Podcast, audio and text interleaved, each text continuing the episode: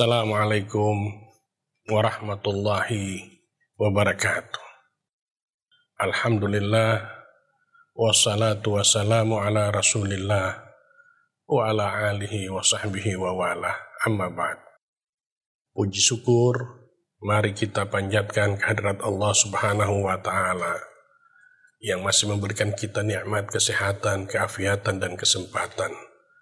Sehingga Alhamdulillah kita kembali dapat bertemu dan melaksanakan ibadah Ramadan tahun ini. Semoga kita dapat menjalani selama sebulan penuh dalam keadaan sehat walafiat. Salawat dan salam sama kita aturkan kepada junjungan kita Nabi besar Muhammad sallallahu alaihi wasallam, para sahabatnya serta umatnya hingga akhir zaman. Sahabat dunia maya yang dirahmati Allah. Alhamdulillah, kita saat ini telah memasuki bulan Ramadan, bulan yang penuh berkah dan kemuliaan.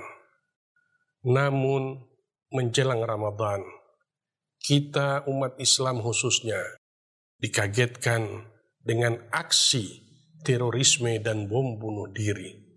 Sasaran teror yang mengarah ke tempat ibadah serta fasilitas negara menjadikan hubungan antar umat beragama yang selama ini kita pupuk demi menyemai benih-benih berdamaian terganggu.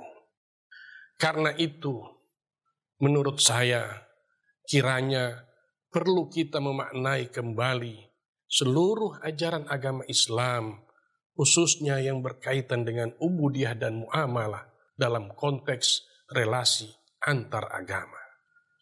Berikut dua makna toleransi yang dapat diambil dari ibadah puasa untuk kemaslahatan bangsa ini. Makna pertama, ibadah puasa adalah ibadah yang dimiliki oleh semua agama dengan tata caranya masing-masing. Jadi, jauh sebelum Islam datang, orang-orang Yahudi dan Nasrani serta agama yang ada di sekitar Makkah pada saat itu sudah lebih dahulu menjalankannya.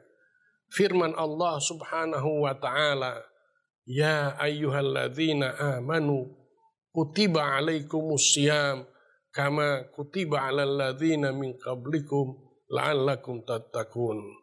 Hai orang-orang yang beriman, diwajibkan atas kamu berpuasa sebagaimana diwajibkan atas orang-orang sebelum kamu agar kamu bertakwa. Quran surah Al-Baqarah 183. Sedangkan makna kedua ialah dalam puasa terdapat ajaran yang sangat luhur, yaitu orang yang berpuasa tidak boleh menyakiti orang lain meski dirinya disakiti. Dalam hadis riwayat Bukhari dinyatakan bahwa jika ada orang yang hendak membunuh atau mencaci maki orang yang sedang berpuasa, maka orang yang sedang berpuasa itu diperintahkan untuk mengatakan, ini saim, ini saim, saya sedang berpuasa, saya sedang berpuasa. Perintah Nabi Muhammad Sallallahu Alaihi Wasallam ini hendak menegaskan bahwa orang yang sedang berpuasa harus mencerminkan dirinya sebagai orang yang saleh, baik secara individual maupun sosial. Diam ketika dicaci maki bukan berarti kita kalah melainkan memberikan teladan kepada lawan bicaranya bahwa caci maki itu tidak baik. Sebutan puasa sebagai perisai atau junnah juga menguatkan pemahaman bahwa seorang yang berpuasa harus bisa menahan diri dari amarah dan tidak melakukan tindakan kesewenang-wenangan serta tidak melakukan kejahatan sebagai balasan atas kejahatan yang diterimanya.